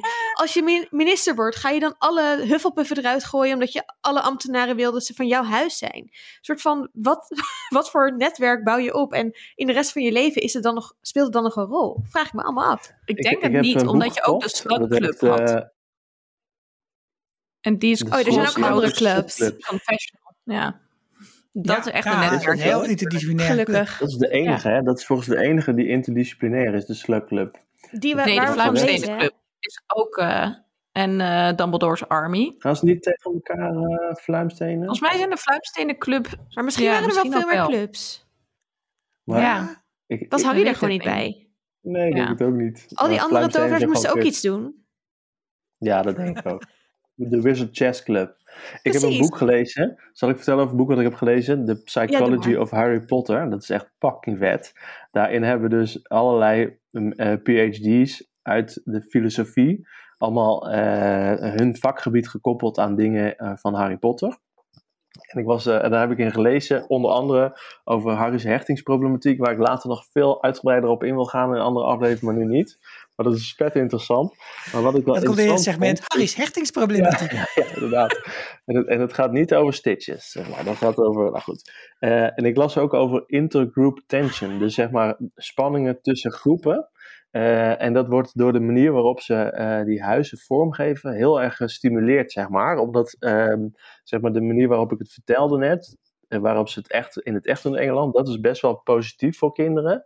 En daar, daar halen ze, daar, dat levert heel veel voor ze op. Alleen, als je dus zeg maar die, eh, eh, het op deze manier doet en alleen maar het hebt over eh, indeelt aan de hand van eigenschappen bijvoorbeeld, dat, is dat, is heel, dat schijnt heel slecht te zijn voor die groepen. Dat heeft iemand onderzocht. Omdat je dan alleen maar van die andere groepen alleen nog maar ziet op basis waarvan ze worden ingedeeld. Dus dat de wereld heel erg eenzijdig wordt. Dus je, je, je hebt geen enkele, eh, geen enkele Oh ja. manier meer om mispercepties over anderen te- anders te beoordelen. En je schat juist de diversiteit binnen je eigen wel groep dan weer groter in. Het heet trouwens Hey. eh, Outgroup Homogeneity. Homogeniteit Daarover gesproken, hè? Super interessant. We hebben ook zelf allemaal een quiz gedaan. Annaluna heeft Ja. erin uitgezocht wat onze huizen zijn. Ik ben heel benieuwd. Ook. Eh, ik denk dat het niemand verbaast, maar ik ben een ravenklauw. hoeveel Verbaast procent? inderdaad niemand. Ik ben Ja. 32% ravenklauw. Klopt dit? Ik ga het nu opzoeken. Ik had een screenshot gemaakt. 32% ravenklauw, goed onthouden. Very, very ravenklauw. Ja, ik, ik had eigenlijk gedacht dat ik daar ook zou eindigen. Maar ik ben toch echt een Gryffindor. Hoeveel Ook procent? 32 procent. Hm. 32. Maar Ravenclaw is wel een eh, goede tweede met 30 procent hoor. Ja, Ik ben heb geen 28% Gryffindor. deze quiz, jongen. Sander, wat was jij? Ja, ik was 36% Hufflepuff. en 35% Gryffindor. Oh, Hoe dan? dat is wel echt Ja. een leuke combi. Hele Ja, leuke mix. Ben ik ook. Ben ook een Nee, leuke nee, combi. Esther? Ik ben 30% Hufflepuff, 30% Gryffindor. 28% I see it. Ravenclaw. Ik ben gewoon it. alles behalve Slytherin. Ja, maar jij zegt altijd Ja. dat je een Slytherin bent, maar je bent echt zo totaal geen Slytherin. Maar, maar Nee. ik wil wel even een lans breken voor Slytherin. Als het mag. Want het wordt altijd een beetje in het verdomhoekje gezet. Hè? Omdat het boek is natuurlijk geschreven door Harry. Dus ja, dan krijg je dat al snel. Want hij vindt Slytherin stom. Of Zwaderig. Maar eh Zwaderig. Sorry, dat komt in mijn hoogte op als je daarover nadenkt. Maar eh, wat ik vind het eigenlijk een interessant huis, omdat het zegt van wij gaan voor de mensen met ambitie, wij gaan voor de mensen die wat willen bereiken, eh, die wat willen maken van het leven, die zien wat een ongelooflijk mooi land Nederland eigenlijk is. En ik heb er later over nagedacht. Wat zou er nou gebeuren? Dit zijn gewoon de harde werkers. Hè? Van, eh, dat hebben jullie misschien niet door. Maar dit zijn de mensen die wat voor elkaar krijgen in de, in de wereld van het toveren. En ik heb er ook wel over na willen denken. Wat was er nou gebeurd als Harry wel in Zwadrig terecht was gekomen? Ja, maar dan hadden we dit een zijn verhaallijn. niet gewoon de harde werkers. Dit zijn die sluwe lui schuwen echt niets. Als hun doel maar wordt bereikt. Raak voor, ik bedoel, dat, dat zijn geen aardige mensen. Dat zijn niet harde dit werkers. Dit zijn transactionele mensen. Die, die zeggen, eh, leuk met die ideologie, zet die maar opzij. Hè? ik ga voor de pragmatische aanpak en ik bereik iets. Over de rug van wie dan ook. Zo kun je het ook uitleggen. Maar ik denk dat, eh, dat als, als uh, Harry wel was ingedeeld in Zwadrig, want dat was bijna gebeurd, want er was genoeg reden voor, voor de Sorting Hat om dat te doen, dan hadden we misschien wel een interessantere verhaallijn gezien op het gebied van Harry versus Voldemort. Want aan het einde van dit boek zien we ook dat Voldemort op een gegeven moment zegt, weet je, we kunnen het ook samen gaan doen. Hè? Dit is, dit zou, we zouden ook de wereld kunnen bestieren met alle krachten die we samen hebben. Want jij bent, jij bent een krachtig tovenaar en ik ben er ook een. En dan zou, had ik graag willen zien wat Harry op dat moment had gedaan. Of je had gedacht, nou dan ga ik met hem samen misschien hè, proberen we het allemaal iets meer naar het midden te trekken. Dat was nog wel een beetje meer Luke en Darth Vader-achtig verhaal geweest. Ja, ik wil daar graag iets over zeggen, want hoe groot Star Wars fan ik ook ben, dat weten jullie allemaal, uh, was dit in dit geval geen spannend verhaal geworden, want Harry is dus eigenlijk geen groot tovenaar. Hij is een groot tovenaar omdat hij allerlei andere dingen heel goed kan, maar hij heeft niet zo bijzonder veel magisch talent als een Voldemort of een Pergamentus. Dus zodra Voldemort daarachter was gekomen, had hij Harry gewipt en dan was het boek dus geëindigd in het begin van boek 2 of zo. Hm, Oké. Hm. Ik denk dat het hm. tijd Het was te proberen. Ik denk dat het tijd is voor de lightning round. Pam, pam, pam. Even wat luchtigheid na dit duistere scenario. Um, Sikko, jij hebt een, uh, een korte quiz voorbereid met de meest moeilijke mogelijke vragen over boek 1. Yes, want hier is de bliksemronde, dames en heren. Hou vast in de stoel en luister mee. Probeer het antwoord te geven zo snel als je kunt, want het gaat sneller dan je denkt. De bliksemronde, de ronde waarin ik vragen stel en onze drie deelnemers zo snel mogelijk moeten antwoorden. De eerste vraag is vijf punten waard, de vijfde vraag 50. Wie het eerst het goede antwoord geeft, gaat met de punten naar huis. Aan het einde van de reeks maken we de balans op en zien we welk huis er heeft gewonnen.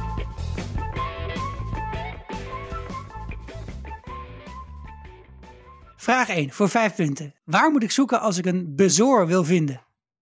Sander was als eerst. In de maag van een geit. 5 punten voor Sander. Shit, We hadden alle drie voor de record ons hand opgestoken. Zeker, ja, voor de record.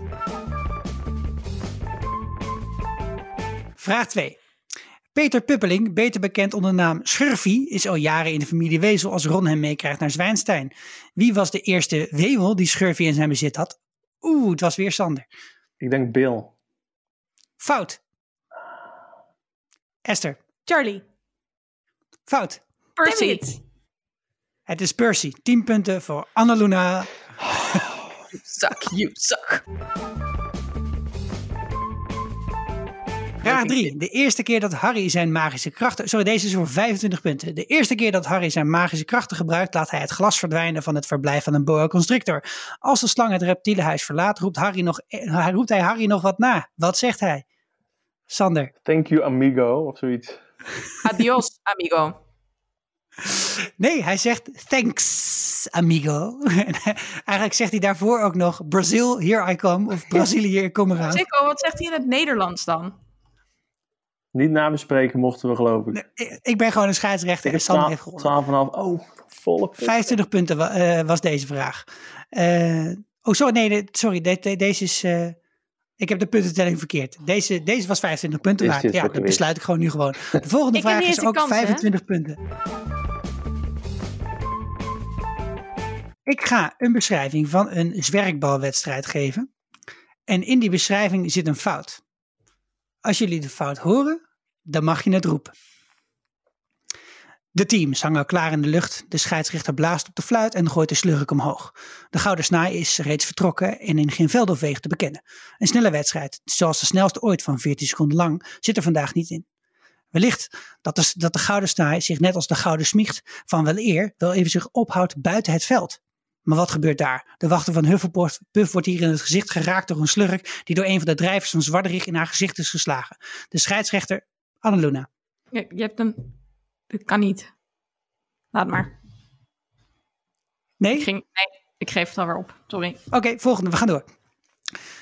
Ik begin hebben we ervoor gezien. Maar uh, wat gebeurt daar? De wachter van Hufflepuff wordt hier in het gezicht geraakt door de slurk die door een van de drijvers van Zwarderig in haar gezicht is geslagen. De scheidsrechter grijpt in, Sander. Ja, je, de drijvers slaan niet met de slurk. Die nee, maar dat kan die, wel eh, gewoon gebeuren. Dat is niet verboden. Oké. Dus De scheidsrechter grijpt in. Dit was nog steeds helemaal volgens de regels. De scheidsrechter grijpt in en stuurt Hestia krachten van het veld. De teamcaptain en jager van Hufflepuff bereidt zich voor om een vrije worp te nemen, maar ziet daar ineens Draco Malfidus, de zoeker van Zwadrig. Oh, Ja. Hij is in boek 1 nog helemaal geen zoeker van Zwadrig. Draco. Nee, Nee, Hestia kan- is veel te oud om samen met Malfidus tegelijkertijd op Zwijnstein te zitten. klopt. Maar de fout was Ja. dat Hestia Oh, van het veld gestuurd wordt. Want dat gebeurt helemaal niet in Quidditch. Ja, maar de- al die dingen waren fout, want het staat niet in het boek. Nee, nee, nee, nee, nee. Sterker, jury. dit is een regel van zwerkbal dat iedereen op het veld blijft. Helaas, geen punten deze Of ronde. Oh, ziet ze boos worden ook, zeg. Ongelooflijk. nou, dan gaan we naar de laatste vraag. De laatste vraag, vraag, vraag 5 voor 50 punten. Als één ding duidelijk is, dan is het dat huisgeest van Griffioendoorn, haast onthoofde Henk, liever niet zo genoemd wil worden. Wat is zijn volledige naam? Annaluna, Heer Hendrik van Malcontent tot Maanding. Maling. 50 punten. Wauw, dit is wel heel chill. Lekker Ja. bezig, Anna doen. En hoe De het Engelse naam voor de Een liefhebber, Mimsy? Sir Nicholas de Mimsy Poppington. Heerlijk. Lekker Annaluna.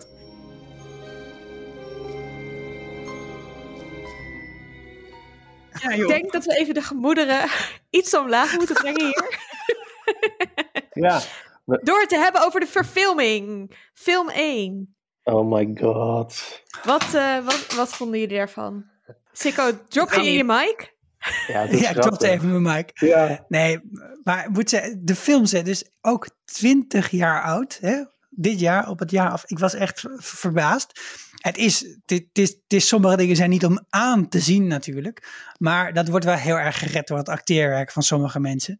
En wat ik echt het, een van de allermooiste scènes vind en blijf vinden, is dat ehm, Harry binnenstapt bij Ollivanders, bij de, de, tovenaars, Ja. de toverstokjeswinkel. En John Hurt die speelt hem daar zo ongelooflijk goed. En met zulke prachtige intonatie. Die scène is echt magisch. Oké, maar wie echt die, die film draagt. Want dus ik vind Harry en Her Hermeline in de eerste film niet fantastisch spelen. Later veel beter. Eerst film niet. Maar Ron, Is Ja, Ron de beste acteur in deze hele film. En deze, echt zijn gezichtsuitdrukking en zijn humor. Zo goed. Mijn, mijn favoriete personage van de films, die is anders dan die van de boeken overigens. Van de films is Ron. Ja, Wist zo dat die acteur, Rupert Grint. Die, Ja. die acteur Rupert. Grint is dus later met al zijn geld, heeft hij gewoon een ijskookkar gekocht en is hij door Engeland gaan rijden met een ijskookkar. Zo van, nou, dit vond ik vroeger leuk als kind, dus nu ga ik dit maar doen. Dan heeft hij niet veel verdiend aan die films overigens. Maar vind hem wel Wel leuker. vet. Bedoel, hij leeft er gewoon heel zuinig van. Harry is natuurlijk, ja, Daniel Radcliffe is die naakte paarden toneelstukken gaan doen. En Emma Watson is naar college gegaan. Natuurlijk nu gewoon een begenadigd actrice en een feministische leesclub. Bla bla bla bla bla. Allemaal heel Love braaf. her. En, ja, love her. Maar Rupert Grint met zijn ijskookkar. Geniaal. Leuk. Oké, ik Ja. moest even mijn liefde voor Ron uiten. Ik wil iets vragen. Hebben jullie ooit getwijfeld of jullie naar de film zouden gaan? Want ik weet nog dat ze dus uitkwamen en ze waren helemaal niet lang na de boeken uit. En ik weet nog dat het bij ons wel echt een soort van vraag was: van wil je daar naartoe? Of ben je bang dat het je eigen fantasie gaat overnemen? Speelde dat Ja. bij jullie? Ik herinner Nee. me dit nog. En ik zei laatst nog, toen ik, eh, ik deel 1 aan het herlezen was, als de voorbereiding van de podcast tegen mijn vriend, dat ik merk dat ik sommige dingen nog steeds zie zoals ik het echt in mijn hoofd heb bedacht. En sommige dingen zijn overgenomen door de film. En dat het dus grappig is dat het niet mijn hele beeld heeft overgenomen, maar wel echt een deel. Ja, ik heb datzelfde. Ik heb dus getwijfeld. Ik ben wel gegaan. Ik vond het eh, jammer. En uh, ik vind het eigenlijk gewoon nog steeds best wel stom om de films te kijken. Daarom doe ik het ook bijna nooit. Ik heb deze, de eerste film vorige week herkeken en voor de derde keer in mijn leven gezien, denk ik. Dus echt niet zo heel vaak. Um, wat ik best wel goed vond achteraf, was het moment dat Snape en Krinkel met elkaar in die gang staan te praten nadat Harry uit de bibliotheek gaat. Dus hij wordt daar, hij s'nachts betrapt, soort van, door Argus Vilder. En dan ziet hij ze daar ruzie. En in het boek is dat, iets heel, is dat een hele rare scène die heel los staat van de rest. Want dan gaat hij naar het verboden, gaat hij zijn bezem wegbrengen na een zwerkbalwedstrijd. Dat is een hele gekke scène. Dat Harry dan ineens nog even zo in zijn eentje in een verboden bos, half alleen op een boom landt en dan ze afluistert. En dat is in de film wel echt veel natuurlijker gedaan. Ja. En nu wil ik er niks meer over zeggen. Sander. Ik, uh, mijn favoriete scène in de film was uh, toch dat Harry, uh, of dat Ron zijn rat geel wilde gaan toveren. Oh, dat vind, vind, ik gewoon zo. Ik vind het gewoon heel leuk om dat te zien hoe, de, hoe hun chemie aan het groeien is. En dat zij voor het eerst met z'n drieën daar in één keer wat gaan doen en zo. Dat vond ik heel leuk. En um, nou, dat is eigenlijk mijn favoriete scène. En ik vond de film vooral. Ik, ik, wat zei je? Nou, ik wilde vragen of waren film 1 en 2 niet ook jouw, jouw favoriete Harry Potter films? Nee. Oh, dat dacht ik. Hm. Zes. Verkeerde informatie. Film, denk ik. 1 en 2, nee, uh, 1 en 2 vind ik wel heel leuk. Omdat daar die wereld zo goed wordt neergezet. En omdat daar iedereen nog zo onschuldig is. En, maar dit gesprek heb jij gevoerd bij Nerds om tafel. En, en zijn favoriete Oh. films waren 1 en 2. Ja, en daarmee. maar ik ben ook een nerd, dus prima. Tafel, Esther. Ah, Eén, Ik zit ook aan de tafel. één grote... Dat is het. Nee, ik dacht dat... Nou ja, ja Goed. Sicko. Ik, eh, wat, wat leuk is aan deze film, vind ik wel dat... Het is nostalgie. Nou, wat misschien ook wel echt meewerkt in die nostalgie, is dat in deze film eh, het bedrijven van magie, en hè, dus het ook het doen van spreuken en zo, nog bijna niet, volgens mij helemaal niet, maar misschien, maar of bijna niet, gepaard gaat met echte, eh, zeg maar, soort, dat, dat Romeinse kaarsidee. Dat er dan zo'n ding uit je toverstaf komt, een geel ding of een groen Ja. ding of zo. Dus er zijn wel spreuken waarbij er dus licht uit je eh, toverstaf moet komen. Zoals eh, wat eh, Hermelien doet bij eh, eh, die rare planten. Maar verder dat Wingardium Leviosa, Leviosa dat, dat zijn ook allemaal dingen die gebeuren zonder heel veel poespas. Dus die, die magie komt nog best wel ehm, behapbaar over in, in eerste instantie. Dat wordt later echt veel meer. En op een gegeven moment in, en, in de vijfde film is het één groot fucking vuurwerk. Het is, de SA Fireworks daar. Maar tot zeg maar, deze film is het super, eigenlijk best wel klein allemaal. Ik vond het dus wel jammer toen ik hem terugkeek. Dat bijvoorbeeld Ja? in, in Olivander, jij vond dat een hele mooie scène. Ik vond het dus best wel jammer dat je daar niet hebt dat Harry, als hij dan die toverstok pakt, dat er dan geen rode vonken uitkomen of zo. Want dat is wel in het boek. En dat vond ik zo'n magisch moment dat hij dan voelt meteen zodra hij hem vast heeft van, oh, dit is mijn toverstaf. En dat, daar zit ook wat meer uitleg bij van Ollivander. Dat vond ik dus best wel jammer dat dat achterwege wordt gelaten. Sowieso ook de keuze om pas later bekend te maken dat Voldemort dus zo gevaarlijk was. En ze willen in de film natuurlijk niet te veel exposition aan het begin hebben, dus dat snap ik wel. Ehm, maar dat vind ik tegelijkertijd heel jammer, omdat je er daarna pas achter komt van... Het is heel onnatuurlijk dat Ollivander tegen Harry zegt van... Oh, dat litteken, dat heb je door, door Voldemort. Ja, nou ja, ik, ik vond het in die zin wel wat hebben, omdat je dan daarna nog wat meer eh, in de overdrive kunt met die magie. Hè? Want je moet steeds met elke nieuwe film weer nieuwe dingen gaan doen natuurlijk. En ze hebben misschien denk ik ook wel heel bewust gekozen om heel veel dingen een beetje natuurlijk eruit te laten zien. En ook probleempjes die je in je hoofd hebt van hoe gebeurt dat nou eigenlijk, worden op best wel natuurlijke manier opgelost. Zoals bijvoorbeeld hoe die ehm, uilen hun brieven afleveren. ja, dus dat is in heel het, mooi. Dat is dan in, in, in het boek is dat, dat is een pootje ophoudt met een brief. Maar dat- daar zit je altijd met van hoe, hoe ziet dat er fucking uit dan? Eh, terwijl hier komen ze gewoon aanvliegen, hebben ze die brief in twee pootjes. En dan een soort, soort, geven ze hem een soort slingertje. Dat hij zo hup onderdoor en eh, gaat hij door Wel de brievenbus. Dat vind ik veel minder gezellig dan dat Hedwig lekker bij je ontbijt Ja. zitten. Maar En kijk, dat Hedwig ja. dan zo aan Harry's oor gaat knabbelen als een Ja, teken van zo affectie. leuk. Nee, ik heb wel echt een, een soort van. Ik moet als ik de films kijk even uitzetten dat ik denk. Wat ik toen ik hem gisteren herkeek dacht. Ja, die uilen komen binnenvliegen, maar het is lunchtijd. Terwijl ze komen gewoon in de ochtend, normaal gesproken. In de boeken. Huh?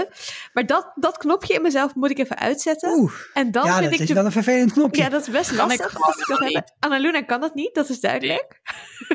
Maar als ik dat uitzet, en dat kan ik gelukkig wel, dan vind ik het heerlijke films. Ook nostalgisch. Ja. En dit, die eerste films zijn wel echt een beetje kinderfilms, maar toch, ik, ja, ik weet niet, ik kan het gewoon wel letterlijk meepraten. Zo vaak heb ik ze gezien. En daarom vind ik ze Ja, natuurlijk dat ook verbaasde chill. me ook gisteren. Dat ik ook zat te kijken. Dat ik dacht, oh, waarom weet ik, waarom weet ik nu wat deze gaat zeggen? En ook in de intonatie en alles.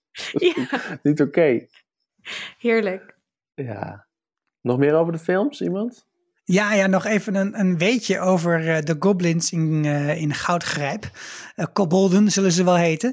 Maar eh, de, kijk, er zit één iemand in die speelt, eh, speelt een paar rollen. Dat is Warwick Davies. Die speelt de, zowel de uh, Flitwick, de, de, de, de, de, docent van Charms. Maar hij speelt ook in de bank speelt hij een Ja. kobold. Maar ik heb eh, heel lang gedacht dat hij altijd eh, die ene, eh, hoe heet die ook alweer, die, eh die knoestergeister die Griphook, ja, dat hij die speelde. Maar dat is dus niet zo.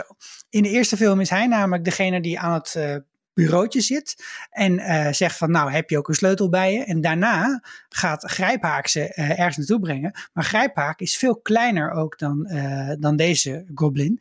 En dat is namelijk, dat is iemand die we kennen uit de films van Austin Powers. Dat is namelijk Minimi. Dus Vern Joyce, die, wordt, die speelt? Grijphaak. Maar ja, maar in de zevende en achtste film wordt hij toch weer gespeeld door Warwick Davis. En eh doet, doet hij overigens fantastisch. Eh, en je ziet dat er in die tussentijd ook heel veel veranderd is aan de techniek om, eh om Kabul ermee te maken. Maar wat het, ik, toen dacht ik, nou snap ik het nog steeds niet. Maar dat komt, eh, wat ik, ik, ik dacht nog steeds, het is hem wel. Maar dat komt omdat de stem van Grijpaak wel weer van Warwick Davis is. Jezus, Mina. Ja, Oké. fucking ingewikkeld. Maar ik was dus ook helemaal in de war. Sowieso is natuurlijk fact. heel veel gerecast. Perkamentus is gerecast, helaas. Want ik vind deze Helaas. veel leuker dan de... Dan de maar daar gaan we het vast nog over hebben. Ja, die was overleden, dus dat moest. Maar die tweede vind ik echt veel minder leuk. Maar overleden. Ik heb nog hebben, een we denk ik bij boek 4 sowieso even over. Maar ook al die leraren die je nu ziet om Perkamentus heen ziet zitten. De, komen nooit meer Ja. terug. Het zijn totaal niet de leraren die we later zien. Dus dat is best wel grappig. Eh wat ik nog voor reden had jij? Ja. Die eh, kat die je in het begin ziet, die dan een anderling blijkt te zijn, die is weggelopen. En die hebben, ze twee, die hebben ze twee dagen zijn ze die kwijt geweest. En toen hebben ze precies dezelfde kat moeten zoeken om nog meer takes te kunnen maken. En uiteindelijk is hij teruggekomen. en dan hebben ze het af kunnen filmen. Over cool. katten gesproken. Ja, ik vind. Norks echt heel vet in de film. Zo'n hele wilde kat met van die, Ja. van die plukken zo. Vind ik echt heel cool. Ja, ja, Veel toffer dan ik me voorstelde eigenlijk. Maar die heeft rode ogen. Is dat iets met de computer gedaan of hebben ze die lenzen gegeven? Oh, ik hoop het eerste. Ik denk dat ze door Banda is eh gejinxed. Dat zal het zijn. Chaos Magic. Ja, De Nexus Scarlet King. geen, Cat. geen spoilers hè, voor mij, want ik heb nog niet gekeken, WandaVision. Oké, oké. Oké. Dus kan ze, oh, ze kan toveren. Ik vind, ik vond overigens ook, ik vind dus de, de, de, die, die, die Dud- Dursleys, die vind ik ongelooflijk leuk eh, eh, gecast. Eh, eigenlijk alle drie vind ik ze fantastisch. Die, eh, die Petunia, die lijkt enorm Astrid Joosten. En dan die, heb je die, die Vernon, die, die speelt dat zo ongelooflijk met een goede comic relief. Dit is echt een kinderfilm ook nog. En dat is ook wel duidelijk. Maar hij kan dat ongelooflijk goed. En ik denk wel, het is nu twintig jaar geleden dat deze film uit is gekomen. Er komt natuurlijk ooit een remake. Hè? Dus misschien moeten we in eh, dit seizoen ook een beetje gaan proberen te bedenken wie de cast zou moeten zijn van die remake.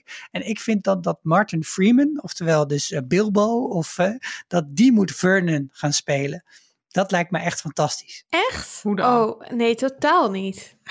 Echt. Die zou ik echt... Als, Die zou als, ik wel als krinkel willen hebben. Wat? Ja, zo'n soort rol. Of als Lupos of zo.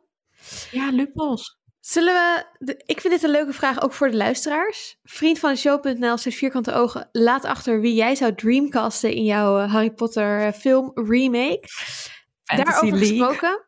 Er hebben al een aantal luisteraars die op Twitter hebben gezien of in onze ehm, post-credit scene van een WandaVision aflevering hadden gehoord dat we deze aflevering reeks gaan maken, hebben ons al vragen opgestuurd. Eh, laten we even een momentje nemen om die te beantwoorden. Ehm beginnende met een vraag van Annelies. Eh Ja. Annaluna. Die eh, kwam via een vriend van de show binnen. En die eh, zei: Het valt me bij herlezen op dat er zoveel eten wordt beschreven. En ook dat dat zo vaak vlees is. Ehm, dat ja, is ook wel zo. Harry zit aan de lopende band worstjes weg te werken. En eh Ron eet het kip en weet ik veel wat voor stoofpotjes. Ehm, en zij vroeg, maar zijn er eigenlijk vegetariërs of veganisten op Zwijnstein? En zo ja, wie dan?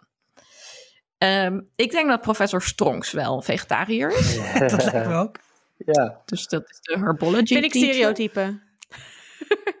Ik denk niet dat bijvoorbeeld Hagrid dat is. nee, want die Maar heeft ook een drakensteek in zijn vriezer liggen. Ja, en hij maakt ook een keertje maakt hij een soort van shepherd's pie waar echt hele kippenklauwen in zitten. Ja. Eh, Perkament Ik denk dat ook als er, als er van de leerlingen iemand eh, veganist wordt, dan is het Hermione. ja, sowieso. Want? Nou ja, Die dat, dat vind ik gewoon bij de passen. Ja, die is wel het meest ook Perkament met haar dus, eh, elfenfront. Ja, dat is zeker zo. Perkamentus is ook geen vegetariër. Want die Die bestelt eet gewoon alleen maar vuurtjes. Nee, bij, eh, als, je, als je bij je bord mag bestellen in boek 4, dan bestelt hij eh carbonaatjes. Ja. Ik, Ik denk vind dat er Luna ook wel- mensen. Eentje die misschien Ja, vega of vegetariër is of vegan. Omdat ze, ja, vind ik wel bij haar passen, dat zij zegt, nee, alle flurmstrunks dingen. Klimpies. Dat Klimpies. denk ik eigenlijk ook wel, ja. Goeie. Oké, goede vraag Annelies, dankjewel. Oké, volgende vraag. Annabel had ook een vraag gesteld. Toch?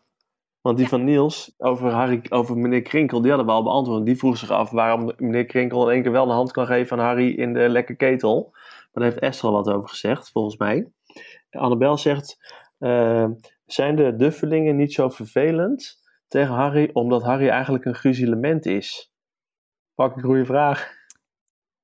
Ja, maar ik denk alle andere mensen die Harry daarna ontmoet, zijn wel aardig tegen hem. En dan is Harry Ja, nog steeds een gruzelement. Dus Ik, ik, denk, ik denk dat je gruzelementen om je nek moet hangen. Om er chagrijnig van te worden. En dat de duffelingen... en de duffelingen hebben Harry niet om hun nek gehangen. Voor langere tijd. Ja, maar het is, het is ergens wel een beetje, eh, misschien ook een schrijffoutje dan. Want ja, als er, ik bedoel, eh, Voldemort heeft Nagini altijd bij zich. En die gast is altijd fucking chagrijnig. Ja. Dus daar klopt het in ieder geval. en van heel veel andere dingen, als ze op een gegeven moment eh, dat eh locket om hun nek hebben hangen, dan worden zij er heel erg ongelukkig van. Dus volgens mij eh, zijn ze gewoon vergeten om chagrijnig van Harry te worden. Ik denk Maar dat wat het me gewoon wel is anders opgevallen werkt. in, in, de, in de verhalen is dat, die, dat Harry, die kan het, eh, als hij dan een wedstrijdje zwerkwal wint, dan is hij ineens de grote pik. Maar als hij dan eventjes per ongeluk 50 punten kwijtraakt, hè, dan is hij ineens eh, de aller, aller slechtste persoon die er ooit op aarde heeft geleefd. Ik ben vergeten het hier met jullie over te hebben. Gooi hem erin. Nou, die punten. Oké. Die punt. dit hele verhaal. Dus in dit boek krijgen ze soms vijf punten aftrek of vijf punten erbij voor iets. Denk je, Of gewoon zo min één punt. Ja, of één punt. En dan gebeurt er iets ergs en dan, oh my god, ze zijn 150 punten kwijt. Dat is het allerergste ooit. Iedereen gaat ze negeren. Ja. Verschrikkelijk. En dan in de, vanaf boek 2 krijg je opeens voor alles 10 punten. Echt voor elke vraag die Hermione goed heeft. 10 punten. Ze verdient gewoon in één les. Hoppa, 50 punten. Dus hoezo is dit zo'n big thing? Die eerstejaars, die, die kunnen nauwelijks punten verliezen. Want ik snap wel dat je eerstejaars minder punten geeft. Maar dat de andere, de oudere jaars dan zo boos worden, denk ik echt... Wat zijn die 150 puntjes voor je? Maak even tien keer een slimme op- opmerking en je bent er weer. Ah, dat moest even van mijn eh, borst af. Ja. Nou, Nou, dat, dat, dat was te horen. Eh, Hoe heb je dan aan het einde van het schooljaar 300 punten? Of 400 Ja, punten of zo? 470 hebben dat Ja, wel gaat altijd heel veel afgaan. ja, Ja, dat ook moet af. wel. Ja, maar dan is het dus niet zo erg Harry Uiteindelijk dat zit iedereen dus keihard te juichen aan het einde van het jaar. Dankjewel Harry, je hebt... ze- je hebt- Nee, maar eh, dankjewel Harry, je hebt 60 punten verdiend voor ons. Maar, maar netto staat Harry dus gewoon in heel, heel het jaar op plus 10. Ja. Ja, Dat is Nou, inderdaad. Heeft Zij iemand krijgt het natuurlijk, ze krijgen ook punten voor het werkbal, toch? Dus daar heeft Harry dan altijd niet. wel punten. Gaan die, gaan die punten van Zwerkbal ook naar de, naar de huisbe- huisbeker? Nou, Je krijgt ik punten als je wint. dat ze wel punten per wedstrijd kregen. En als ze het hele kampioenschap winnen, dan krijgen ze dus nog meer punten. Dus volgens mij krijg je per wedstrijd en dan aan het einde een soort van superbonus. Oké, ik heb nog één luisteraarsvraag. Tenzij iemand nog iets wil Right. aanvullen. maar deze is ook van Annelies. Ik weet niet of het dezelfde Annelies is, maar dit is een Annelies op Twitter. Die zei: Ik ben benieuwd wat jullie vinden van de uitzondering die wordt gemaakt voor Harry. Dat hij toch zieker mag zijn, ondanks dat hij te jong is. En of McGonagall daarover ruzie heeft gemaakt in de lerarenkamer. Zeer terechte vraag. ja, ik Eh, denk het ik wel. ga ervan uit van wel. En ik denk dat ze het ook helemaal stiekem heeft gedaan. Volgens mij Ja, want dit een geval is en dan melden blaren. En Ja. heeft ze zelf die bezem betaald? Komt dat uit schoolgeld? Nee, dat kwam uit een potje. Dat ging ze met uh, perkamentes regelen volgens mij. Want je hebt ook fondsen hè, voor arme leerlingen. Of ja, Ze heeft misschien een tikje Harry maar. Harry is niet arm. Nee, dat is waar. Ik, Nee, ik vind het ook wel ook. een beetje een privilege dingetje dat ze weten dat James een goede seeker was. En dat ze daarom denken, oh Harry kan het heel goed. Nou dan zal hij dat wel van zijn vader hebben. Dus hij kan wel seeker worden. Terwijl als dit gewoon een random kind was geweest, dan was het misschien niet zo makkelijk geworden om hem op, in dat team te zetten. Dat denk ik. Nee, dat denk Ja. ik ook. Ja. Ik vind wel een heel leuk karakterdingetje dat McGonagall dan heel erg van zwerkbal houdt. Omdat ze verder dan heel stijf is. Net als dat het heel grappig is dat Ron, die verder toch niet de, sl- de slimste is, heel goed kan schaken. En dat past ook eigenlijk wel, als je rijke karakters hebt, dan hebben ze ook altijd iets wat net niet helemaal past of zo. En dat Ja. vind ik hier dus altijd wel heel leuk. Dat is Ja, heel leuk. En ik vind deze, deze verontsteltenis een klein beetje gespeeld. Het is gewoon natuurlijk gewoon een enorm elitair kutschooltje, dat Hogwarts.